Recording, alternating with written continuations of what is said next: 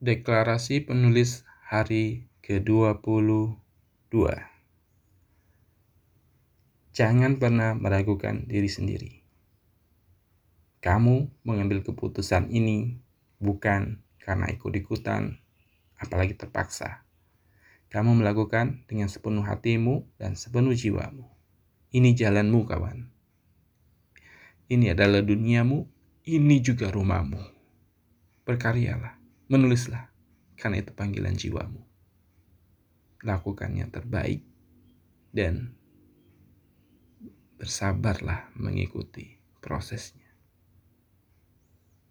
Demikian. Saya Jonelis Effendi, mentor menulis dan juga sahabat Anda.